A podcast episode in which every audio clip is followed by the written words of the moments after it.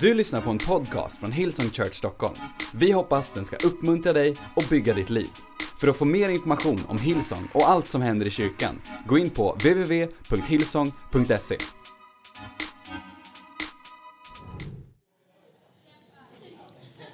Det finns ett uttryck som heter att det är saligare att ge än att få. Jag, ska, jag har predikat en predikan, eller eh, först predikade jag en predikan på förmiddagen. Sen predika, ska jag försöka predika samma predikan klockan 16 men det blev en variant på den. Så nu ska jag predika en del två på varianten tänkte jag. Okej?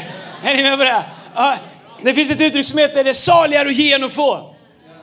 Det låter ju bättre än vad det är i verkligheten därför att de flesta människor tycker det är bättre att få än att ge. All right? Hur många tänker varje gång du får din lön, det är saligare att betala skatt än att få? Come on somebody. Det är saligare att få, det är här. Tänk att man ändå får bli av med en tredjedel. Va? Det är underbart. Men det är, det, är så att samhället fungerar. Det var inget inlägg i politiken. Men, men, men de, flesta människor är inte wirade. Jag tycker att vad kul att jag får ge. Det är inte alltid när man sitter med folk och äter på en restaurang. Jag vet inte om du har några sådana kompisar som jag har, att varje gång notan kommer så är de på toa. Man har aldrig sett dem att ens liksom försöka låtsas att de börjar leta efter plåt. Jag har sådana kompisar som, när notan kommer, de försöker inte, alltså de, de vill liksom inte ens låtsas att de vill vara med och tävla om den. Utan de bara väntar iskallt på att samma generösa personer som alltid tar notan kommer ta den också. Har du sådana kompisar? Bara ja. Jag sa inte arbetskompisar, jag sa kompisar, okej? Okay? Men vet du att Bibeln säger att det enda som vi får ta med oss till himlen är det vi har gett. Det enda som vi får med oss är vet. Det innebär inte att Bibeln har problem med att vi har saker här.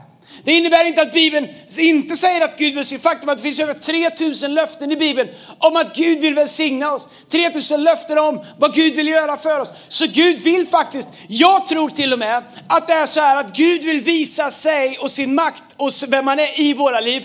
Både genom våra utmaningar och genom det sätt han välsignar oss. Så om du säger, nej men jag vill bara vara ett vittnesbörd för Gud i min utmaning. Och du visar bara hälften av vad Gud faktiskt vill. En del människor de, har, de är så här självuppfinnande. De, de, liksom, de går inte från kraft till kraft, de går liksom från kaos till kaos. Väldigt tyst här idag. En del människor de, de, de tänker att jag, jag förhärligar Gud genom att bara visa hur jobbigt det är.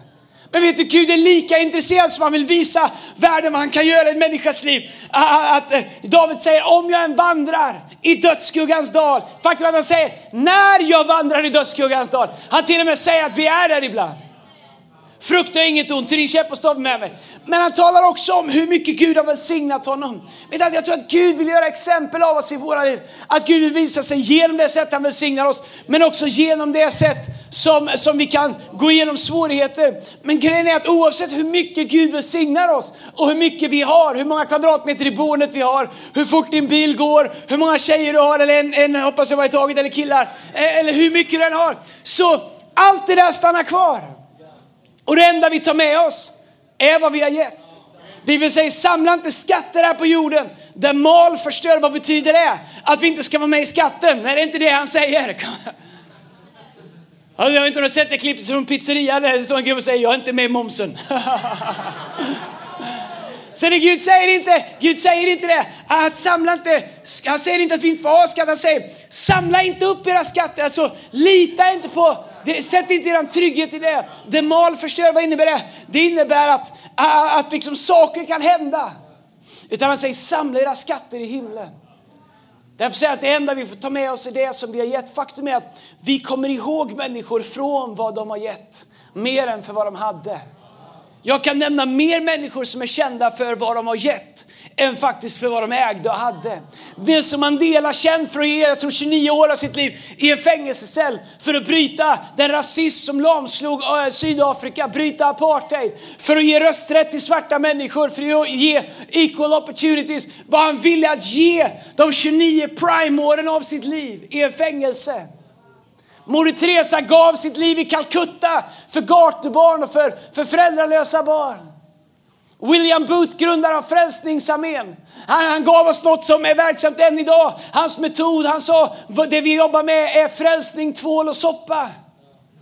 Än idag så är Frälsningsarmén ett av de mest respekterade varumärkena. Därför att William Booth, han, han gav av sig själv.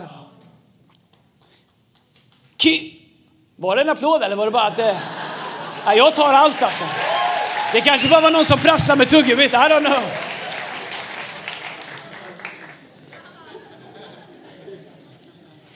Jesus givetvis gav sitt liv för att vi skulle få liv. Och Jesus är den enda, eh, eh, eh, kristendomen är den enda relationen som bygger på att någon annan har gett. Allt annat bygger på vad vi ska göra. Vi ska, vi ska göra bättre ifrån oss så att vi får bättre karma tillbaks. Vi ska böja oss åt rätt håll. Vi ska inte äta det köttet. Vi ska inte göra det. Vi ska inte göra det. Vi ska inte göra Allt handlar om vad vi ska göra. Medan kristendom, allt med Gud handlar om vad Jesus gjorde för oss. Ty så älskar Gud den här världen att han gav den sin enda son. Bibeln säger att Guds kärlek fick honom att ge. Om att Gud reagerade utifrån sin kärlek med att ge. Den här predikan heter Live to give. I världen så, så, så, så, så, så, så, är statement, så är mottot Live to get. Jag sa i morse att när jag växte upp i, i Tidaholm så fanns det, jag bodde på Fabriksmästargatan, sen var Eldaregatan, sen var Basaregatan, Eh, sen var Redaregatan var längst upp där. Och, och, eh, förlåt, Redaregatan, sen Basaregatan. Längst uppe på gatan där uppe så bodde den som hade en Volvo 145. Hur många här vet vad en Volvo 145 är? Det är lite så här åldersfråga. Fantastisk. Masse Foster hade en precis när den modellen var ny, 1969. Och, eh, Volvo 145 var en Volvo kombi, okej? Okay? Och det, det fanns när jag växte upp, han hade en gammal sån Volvo kombi. Han hade dubbla förgasare. Han hade satt dubbla Weberförgasare. Det finns ingen i våra passteam som vet vad det är, vet vad en förgasare är. Men det har med bensinen att göra. Han hade planat toppen, han hade Simon Rally avgassystem 2,5 tum så att den lät mycket. Han hade sänkt den.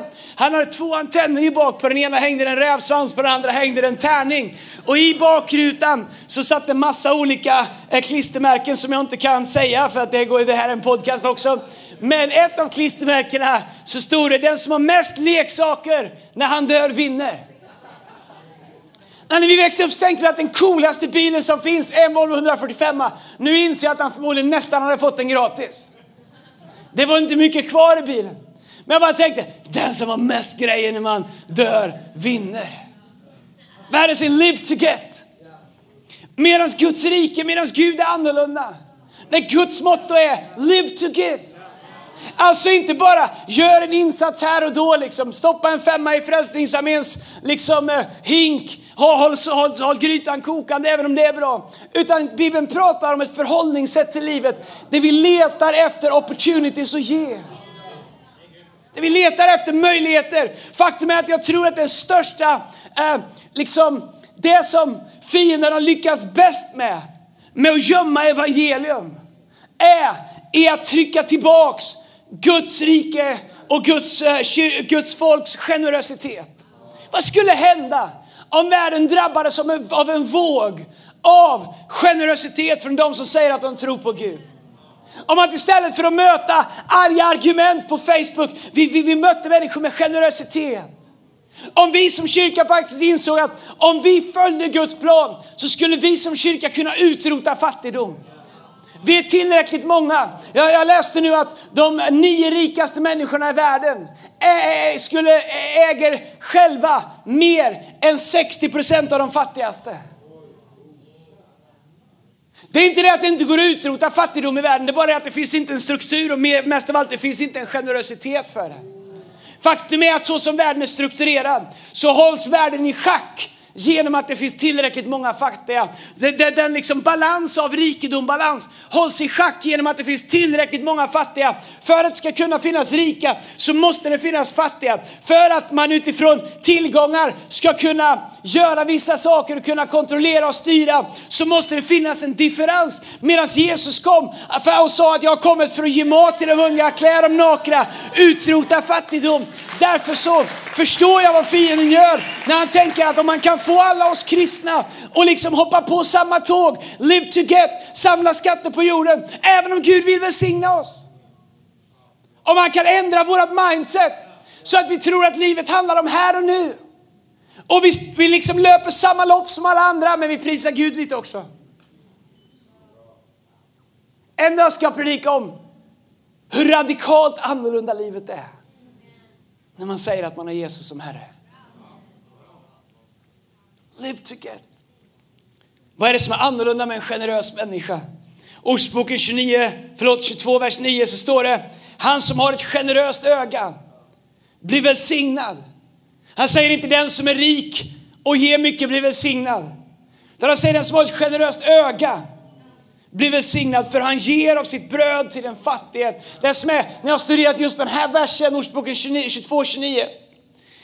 Den engelska översättningen säger He who has a generous eye will be blessed for he share his bread with the poor. Det är två saker som är väldigt intressanta med det. Det ena talar om ett generöst öga.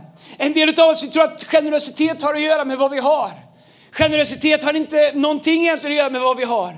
Generositet har att göra med hur vi ser på det vi har.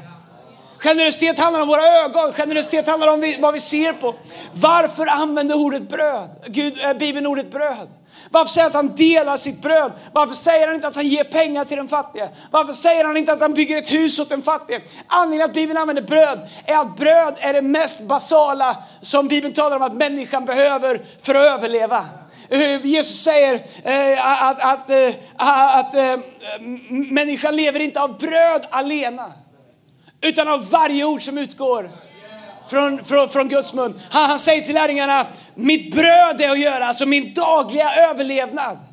Det är mest basala liksom. Han pratar inte om han säger inte min skatt är att göra. Han säger inte min alla till, han säger mitt bröd det som får mig att klara mig idag. Mitt bröd är att göra hans vilja som har sänt mig. Så anledningen att han använder ordet bröd är att han ger oss, eh, han ger oss, en, eh, han ger oss en bild av vad generositet är. Generositet handlar om vad vi gör med det som är det minsta vi har. En del människor säger, jag ska få ett jobb så jag kan tjäna mycket pengar och då ska jag bli generös. Men vän, om du inte är generös när du har pyttelite pengar, kommer du aldrig vara generös när du har mycket pengar. Aldrig någonsin. Därför att generositet handlar inte om vad vi har. Generositet är att vara två personer med en tekaka och det är du som har den och rivar den i mitten. Även om du vet att om du hade behållit en tekaka så hade det inte ens räckt till dig för du är hungrigare än så. så. Generositet handlar om hur vi ser på det vi har. Ni som unga som har studiebidrag som tänker jag ska bli generös när jag tjänar pengar. De flesta människor blir inte det. Därför att man lär sig när man har lite att jag kommer behöva ha alltihop det här för mig själv. Så när man får mer så, så har man redan lärt sig vad man ska göra med mer. Jag, jag kan göra mer för mig själv av det jag nu har. Men tänk om vi skulle ha en, nu säger jag vi, vi, vi unga, no, inte de där gamla, kolla där sitter de gamla, här är de unga. Tänk om vi skulle bestämma oss för att vi ska vara annorlunda. Ah, att vi ska lära oss generositet när vi har lite. Så att när Gud ger oss mycket, vi kan göra mycket för Gud. Faktum är om du var Gud, vem skulle du välsigna? Den som delar sitt bröd med den fattige eller den som bara går och köper mer bröd som han inte behöver? Ändå är Gud ingen så här fattigdoms Gud som tycker liksom om du knappt överlever då är du riktigt kristen. Den människan säger jag vill inte bli välsignad. är den största egoisten av alla. För den säger jag vill inte vara med och göra en skillnad. Jag vill inte hellre mätta hundra munnar än en mun. Så det finns en falskhet i liksom generositet som vi också kan fastna i. Nej, jag behöver bara det jag behöver för dagen. Och det är för att du är en superegoist och bara tänker på vad du behöver. Men tänk hur många människor du skulle kunna ha gjort en skillnad i deras tillvaro idag. Du tänker, jag behöver inte bli välsignad. Och det är bara för att du har aldrig ens tänkt tanken att åka och handla en kundvagn full med mat till en, till en barnfamilj som kämpar med att få upp räkningarna. För du tänker, bara jag kan fylla mitt kylskåp. Men vad de som har tomma kylskåp då? Jag vill bli välsignad. Faktum är att Bibeln säger att vi ska bli välsignade så att vi kan ge till allt som är gott. Faktum är att det är vår skyldighet att leva liv som vi blir välsignade. Vad hade hänt om vi hade bombarderat världen med en osjälvisk generositet? Gode Gud, nu blir det en ny predikan igen men min hjärna funkar inte i mönster. När den väl funkar så gör den som den vill. Jesaja 32.8 så står det så här, but a generous man devises generous things. And by generosity he shall stand. Jag älskar det. But a generous man devises generous things. Vad betyder det? Och jag älskar att det står att vi ska stå fasta genom vår generositet. Det är ett bibelord där det säger Eh, eh, sänd ditt bröd över vattnet. För i tidens längd kommer det tillbaks. Jag älskar det. I säsongen när jag verkligen sagt Gud, Gud, jag behöver verkligen att du gör ett mirakel. Vi behöver din hjälp här. Vi behöver, vi behöver din hjälp för att kunna möta alla våra behov i vår familj, eller jag och Lina hemma. Vare sig det är whatever, vilka behov det än är. Så vet jag att jag har sänt mitt bröd över vatten. Och Bibeln säger att i tidens längd ska jag få tillbaks det. Jag kan inte gå till ett fält och skörda det jag aldrig har sått. Men, men, men, så Bibeln säger att genom vår generositet kommer vi kunna stå fasta. Inte genom hur fina böner vi ber, inte genom liksom hur präktiga vi är. Då hade jag aldrig fått tillbaks någonting. Utan genom vår generositet kommer vi stå fasta. Men innan det så använder Bibeln ett fantastiskt ord. Det står but a generous man devices generous things. Om man slår upp ordet devices så är det inte mobiltelefoner, det är definitivt ingen Samsung och allra minst någon, någon himla Huawei eller vad de heter. Huawei. Och Det känns som så här, Huawei. Vad är ens det? Huawei. Ska köra, vad ska du göra? Jag ska ha en Huawei. Huawei. Huawei. Nej, det är inte sådana devices. Utan det har att göra med vad man tänker. Slår upp devices så betyder det tänker ut. Eller hittar på. Eller letar efter. Eller söker öppning för. Det, det, det Bibeln säger att eh, generous man tänker ut generösa saker. A generous man hittar på generösa saker. A generous man letar efter opportunity som var generös. Det är som att en generös människa går runt liksom med en generös kanon och letar efter vart han kan avfyra den. Det är inte bara så här, okej okay, Gud om du tjatar kan väl ställa upp. Nej, nej, nej. Generositet är något helt annat. A generous I, a generous man devices. Tänker ut. Vad har du för plan för att vara generös den här veckan? Jag har ingen plan. Well, vad skulle hända om vi allihopa gick in i varje vecka med, med, med, med, med, med, med, med liksom en plan om att vi ska tänka ut. Hur ska, hur ska jag komma till jobbet? Jag ska vara generös med ord. Jag ska vara generös med förlåtelsen. Hej, här är hen. Jag ska vara generös mot mig själv. Jag ska vara generös med vad jag säger om mig själv. Jag ska vara generös vad jag säger till min spegelbild.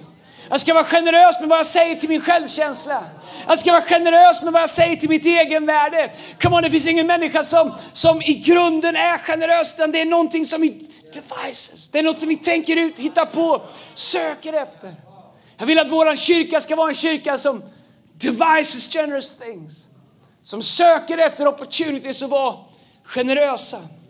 Jag tror att vår relation med Gud syns primärt i två saker. Våran kärlek och vår generositet. Ibland undrar jag om vi har missuppfattat det. Jag tror att skulle du stanna människor på, på gatan och säga vad kännetecknar människor som går till kyrkan? Jag är inte säker på att svaret vi skulle få är kärlek och generositet. Kanske saker som präktighet, dubbelmoral, självgodhet, även om de ibland har förutfattade meningar. Men vad skulle hända om vittnesbördet om Guds folk var kärlek? Jag känner en kristen här på mitt jobb. När alla vände mig ryggen, då stod han fast. Jag känner en som jobbar på mitt jobb, jag vet inte hur det är. Vi pratar aldrig privata saker. Men en dag så kom han och hade med sig ett, ett, ett presentkort på 1000 kronor på ICA Maxi. Hur kunde han veta att vi inte hade matpengar kvar? Vad skulle hända om det var de två största kännetecknen? Inte liksom hårklyveriet i teologiska debatter. Vem bryr sig om hur många steg Petrus gick på vattnet innan han sjönk? Vilken människa hjälper det? Det är en spott, det är en spottloska i ansiktet på någon som kämpar för sin överlevnad. När vi sitter och härjar med hur många steg Petrus gick när Jesus kom för att söka efter och finna det som var förlorat. Live to give. Generous man devises generous thing. Han som har ett generöst öga blir välsignad. Jag måste skynda på, jag har lite punkter på slutet. I andra Korinthierbrevet kapitel 8 så talar Paulus till kyrkan i Korint. De är hårt prövade. De är under attack från romarriket. Många av dem blir korsfästa upp och ner, halshuggna, torterade för sin tro. Vet att det har aldrig funnits mer, aldrig, inte i någon tidsepok någonsin har fler kristna blivit förföljda än just nu. Aldrig någonsin har kyrkan varit tystare om det heller. Här är en liten grupp människor i, i, i Korint som har startat en församling. De är fattiga, de är hungriga, de är utsatta för förtryck. Paulus ber dem vara med och samla in vad de kan i en gåva för att Paulus åker runt och startar kyrkor överallt. I Rom och Efesos och på olika ställen. Han tänker de har säkert inte så mycket, de är så hårt prövade. Men när han ser deras generositet och deras villighet att vara med så skriver han till dem i andra Korinthierbrevet kapitel 8. Och vi ser att generositet inte har någonting att göra med vad vi har. Han skriver i andra Korinthierbrevet kapitel 8, vers 1 i Nya Testamentet, engelsk översättning. Now friends, I want to report on the surprising and generous way in which God is working in the churches in Macedonia province. Fierce trouble, alltså inte bara en dålig dag. Fierce trouble came down on the people of those churches, pushing them to the very limit. Har du någon gång känt, har du någon gång känt att du är pushed to the very limit? Eller bara känner att det här är liksom, nu är jag nära min limit. Vad jag kan tro för, vad jag kan orka med, vad jag kan göra. Så Paulus säger, fierce trouble came down on the people of those churches, pushing them to the very limit. The trial exposed their true colors. They were incredibly happy. Sjukt. Det finns människor som har allt ändå aldrig haft en bra dag. Though desperately poor. Alltså Paulus vill verkligen att vi ska förstå här. Det var fierce troubles. Det, det var liksom, eh, det var incredibly happy. De var desperately poor. Han förstärker alla tillstånd och verkligen förklarar hur det var. Men lyssna här vad det sägs i sista raden. The pressure triggered something totally unexpected. An outpouring of pure, generous gifts. Hur sjukt är inte det? Paulus säger, de hade fierce troubles. De, hade, de var fattiga och de hade bekymmer, men de var generösa och de var glada. Paulus säger de hade inte vad de behövde, men de var glada. De var fattiga, men tacksamma. De var fattiga, men generösa. De hade bekymmer, men de var glada. Vi tror så ofta i våra liv att när jag inte har några bekymmer, då kan jag vara glad. När jag inte längre är pushed to the limit, då kan jag börja tacka Gud som att allt vore bra. Men Paulus säger, hej, det fanns inget som arbetade för dem. De hade ingenting going for dem. Ändå så lät de inte omständigheterna definiera deras attityd till det de höll på med. Många tror att generositet och glädje är resultatet av att vi inte har några bekymmer eller att vi har allt vad vi behöver. Paulus berömde dem för deras glädje och generositet. Att den inte var baserad i omständigheter. Vet att generositet är alltid en frukt av, frukt av Gud i våra liv. Vet du, jag tror inte att människan i grunden är generös. Jag kan säga det, Andreas, du har en, det känns som en dålig människosyn. Well, har du haft barn någon gång? Det enda jag inte har lärt mina barn är att vara egoistiska. Det lärde de sig själva direkt. Ett av de första orden, min, ha. Det enda jag inte lärt mina barn är att vara onda. Så fort de kunde, lärde sig hur man gjorde det så började de dra andra barn i håret och bita dem. Jag, mig, mitt. Vi lär barnen empati. Vi lär barn generositet. Vi lär barn att tänka på andra människor. Vi lär dem inte ha, mig, mitt. Andreas hade först.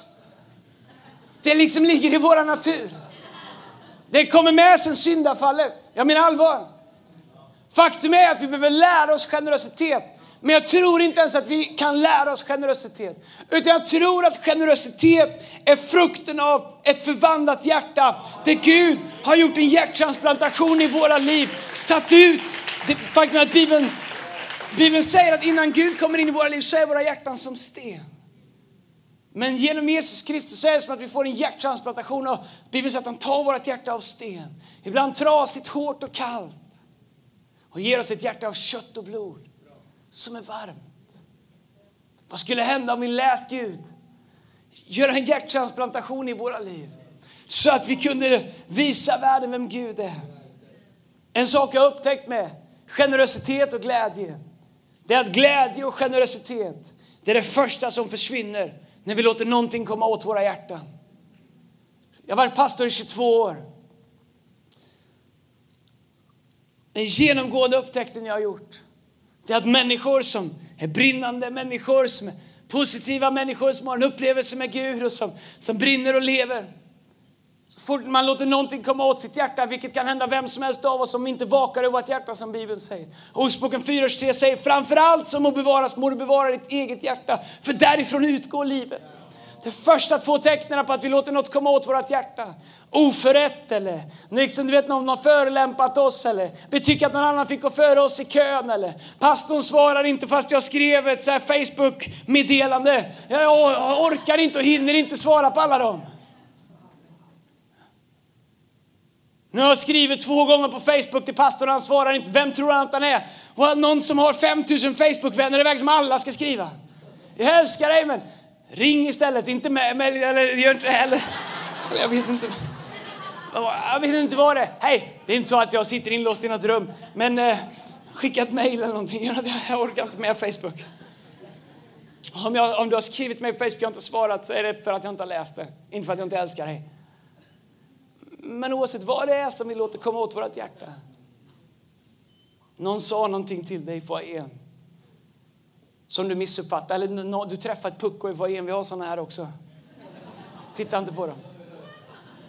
Någon som har en dålig dag säger något i foajén. Den där kyrkan ska minsann aldrig komma tillbaka. Vem tror de att... Så börjar du komma hit och nästa möte så har du med dig det där stygnet i hjärtat i lovsången. Där är Erik och lovsjunger. Han gick förbi mig i foajén utan att ens säga hej. Och du kanske inte visste att han hade jättebråttom att gå och träffa någon som hade faktiskt en kris i sitt liv som han var tvungen att hinna till. Medan du ville stå och prata och prata lite om en dålig Djurgården eller whatever så hade han inte tid och han gick förbi. Och nästa gång du kommer till kyrkan och Erik står och lovsång och du säger, han säger come on church ska vi lovsjunga? Jag tänker min son inte bli ledd utav dig. Du gick förbi. mig. vad händer i våra hjärtan?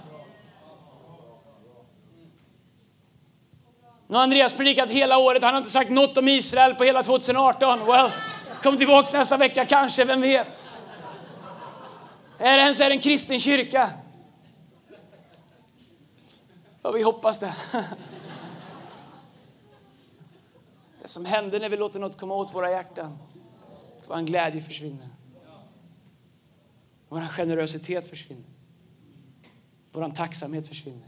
Något av det mest tragiska som finns och den här predikan är vad den är, men något av det mest tragiska som finns. Att se någon komma in och få sitt liv förvandlat. Jag kommer ihåg när jag, kommer ihåg när jag äh, kom tillbaks till Gud i USA. På rymmen från Gud, på rymmen från mitt eget liv.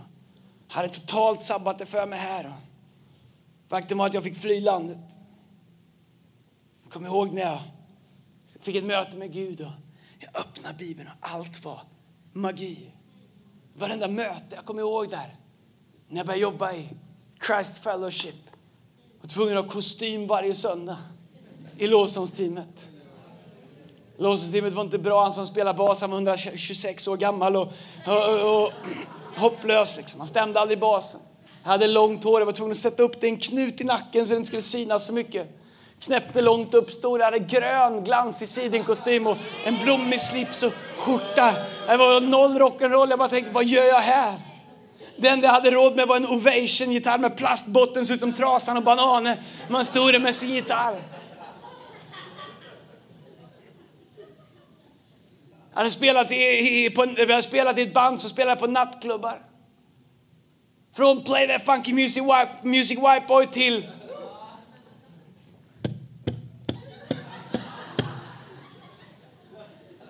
Jag kommer ihåg en av de första mötena när vi körde en gammal Hillsong-låt. Vi körde bara de lugna, vi körde aldrig snabba låtar. Så Holy Spirit rain down, rain down. Jag kände möte efter möte fast inramningen var katastrof. Nu är den mycket, mycket bättre, passar mig bättre i alla fall. Fast inramningen var all, alla klyschor du kan tänka dig med USA, eh, tidigt, eh, med 90-tal i USA. Varenda gång vi sjöng de där låtarna, han var dåligt arrade, var dåliga musiker. Trummisen fick vi låsa in i en bur, han såg ut som ett monster. Han, helt, han, hade, Han hade en haka som började här och gick rakt ner i. Det liksom svängde aldrig. Han spottade och fräste så vi fick nästan sätta vindrutetorkare på insidan av plexiglaset i trummorna där. Han var helt, till slut, sans true story. Till slut satte de så här film på insidan, så här solfilm på insidan så han inte skulle synas utan bara höras. Det är sant. En gång hade en kompis som spelade trummor i ett helt möte i bara kalsonger där för att han spillde på sig precis när mötet började. För han hade solfel. Det har inget med predikan att göra. Men jag...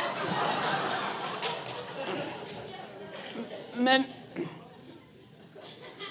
varenda möte, hur töntiga inramningen var, så att jag mötte Gud. Det var som att jag la mig själv liksom på operationsbordet och Gud gjorde mer hjärtkirurgi och mer hjärtkirurgi och mer hjärtkirurgi. Om jag skulle gå på det här mötet nu ska jag tycka, vad är det här? Vad är det för låtar? Vad är det för lampor? Vad, är det, vad, vad gör alla blommor på scenen överallt? Vem har blommor på scenen? Det var palmer som en djungel på scenen. Jag ska ta med en bild en dag. Det är helt sjukt. Jag tror aldrig jag mött Gud så starkt som de där första veckorna. Därför att jag hade, jag hade inte lärt mig än. Att jag skulle tycka vissa saker var bra och vissa saker inte var bra. Jag hade inte lärt mig att det fanns coola lovsånger och coola, och lovsånger. Jag hade inte lärt mig att det fanns bra lovsångsledare och dåliga lovsångsledare. Jag trodde att allihopa sjöng till Gud. Men sen, när Gud har gjort något i våra liv, så blir det vardag. Och helt plötsligt så jag var alltid först i kyrkan. kom lite senare, lite senare, lite senare. Jag hade massa möten. De möten jag inte var rostad till att spela, leda lovsång på, var jag alltid där först, satt längst fram. Ville suga in allting. E-, efter ett år så slutade jag gå på de mötena som jag inte var tvungen att medverka på. Tyckte jag ju varit på så många innan. Varför kunde de inte hålla mig borta när jag precis hade lärt känna Gud och varför förklara för mig själv vilken uppoffring jag gjorde för att gå på några möten och tjäna ett år senare. Det var ju samma Gud. Det var ju samma frälsning. Men det var inte samma hjärta. Det var inget hjärta som var drivet av generositet längre fick ett inget hjärta som var drivet av kärlek på det sättet. Det var, gick från att vara en förmån till något som människor borde tacka mig för. Det första som händer när vi låter något komma åt vårt hjärta är att vi tappar glädjen. Vi tappar generositeten. De flesta människor som slutar vara med i team, det finns en och annan som det finns praktiska omständigheter. Det svåraste är att bevara och fortsätta förklara för sig själv. Här i kyrkan så hade vi, vi har leadership bootcamp, det får ni inte missa sista delen nu på tisdag, kommer den bästa av de tre. Om du inte har varit tidigare så kom på tisdag ändå i Bryggarsalen. Men förra veckan fick vi reda på några dagar innan att vi inte kunde vara i Bryggarsalen. Jag tror att, jag, jag vet inte riktigt hur det gick till, men bara några dagar innan så enda lokalen vi provade överallt var att vi hittade Hammarbykyrkan. Den ligger liksom söder om Söder. Jag vet inte ens om det går tunnelbana dit. Det är gröna linjer, jag är inte helt säker på alla stationer där, men den slutar någonstans i Farsta vet jag. Och, eh, jag tänkte, undrar om folk ens kommer komma dit. Jag börjar att tala i norra eh, och sen så hoppade jag bilen och, och körde in till, till, söder. Och jag kom dit och jag kommer in och ser att rummet är packat. Jag tänker, Gud det här kan du göra någonting med. Människor som inte ah, säger, vi åker ända dit eller vart det är. På något sätt har ryktet spridit sig och det är, det är fullt med människor där. Och jag känner den här tacksamheten som jag känner när vi startar vår kyrka. Church in the wild, yes. Omständigheterna kanske inte är perfekta. Vi har ingen egen lokal i city. Det krävdes massa människor för att få det att funka. Ljudet rundade. Vi startade sent, men teamet gjorde allt de kunde. Våra volontärer var magiska. Och det, det var inte frågan om, om vi inte skulle kunna, utan hur vi skulle göra det. Men vet du vad? Det är så otroligt enkelt. Jag kan helt att det finns människor men jag kommer ihåg var sådana team som jag, jag ibland kunde ha varit tog de vägen? Ibland finns det naturliga omständigheter, ibland kan det hända att man liksom, man är en annan säsong i livet och det är fine. Men så ofta har jag märkt när jag pratar med dem att de är som jag var. Det gick från att vara en förmån till något som var inte en glädje längre. Har inte gjort i tacksamhet längre. Ändå gör vi exakt samma sak som när det var fantastiskt. Vad är det som gör att våra hjärtan alltid driftar bakåt eller neråt eller hur du nu vill. Paulus säger att han, han var överväldigad av deras glädje. Han var överväldigad av deras, att de var incredibly happy. Han var surprised över att de var generous. Vet, jag tror att eh, Psalm 114, om ni som sköter texten hoppar fram några bibelord. Vers 1 så står det så här. Dåren säger i sitt hjärta. Psalm 14, vers 1. Har vi det eller? Ni får lyssna på mig. Där har vi det, tack teamet. Dåren säger i sitt hjärta, det finns ingen Gud. Onda och vidriga är deras gärningar. Ingen finns som gör det goda. Men lyssna här. Herren blickar ner från himlen över människors barn för att se om det finns någon som förstår. Någon som söker Gud. Jag pratade med någon igår för jag bollade några teologiska grejer. Jag vill, jag vill ofta vara säker på att när jag talar om saker att jag kan backa upp det. Han rekommenderade bibelordet, han sa det bibelordet till något annat. Jag, han tänkte knappt att han sa det, men han sa det så drog ett eget streck till något annat som jag tänkt på länge. Och, och hur, hur, ofta vi är drivna av, och vi måste sluta det här mötet, vi börjar ett nytt snart, men hur ofta vi är drivna av att det, vi ska uppleva, vi ska känna, vi måste liksom fångas och ibland så är det som att vi kommer hit och vi bara säger, nu förväntar jag mig att lovsångsteamet ger mig feeling. Nu förväntar jag mig att predikanten liksom sätter mig i gungning lite grann. Men vet du vad Gud säger? Att han, han tittar ner från himlen över jorden och letar efter om det finns någon som förstår. Om det finns någon som förstår. Inte om det finns någon som responderar på en predikan eller någon som responderar i lovsång, även om allt är bra. Utan han säger att han letar för att se om det finns någon som förstår, någon som söker Gud. Nej, jag vill leva mitt liv med en förståelse, med en uppenbarelse. Så att det inte är ett steg fram och två tillbaks. Så att det inte är liksom ena dagen, åh Gud jag vill allt. Nästa dag så blir mitt hjärta kallare och kallare. Om någon trampar mig på tån så vägrar jag låta det komma åt mitt hjärta. Om någon gör någonting mot mig som jag tycker är orättvist, vilket händer varenda dag, jag säger min mejlkorg. Jag vägrar låta det gå till mitt hjärta. Därför att jag vet att om jag låter det komma till mitt hjärta så de första två sakerna som lämnar mig är min glädje och min generositet. Och Bibeln säger att genom min generositet ska jag stå fast och Bibeln säger att glädjen i Herren är min starkhet. Så generositet hjälper mig att stå, glädjen hjälper, gör mig stark. De första två sakerna djävulen vill ta ifrån mig genom att komma nästlas in som ormen i mitt hjärta är det som hjälper mig att stå fast och det som gör mig stark. Men glädjen gör mig stark och generositet hjälper mig att stå. Thank you. Ska vi stå tillsammans allihopa? Du har lyssnat till en podcast från Hillsong Church Stockholm. Om du vill veta mer om vår kyrka eller om våra söndagsmöten, surfa in på www.hillsong.se.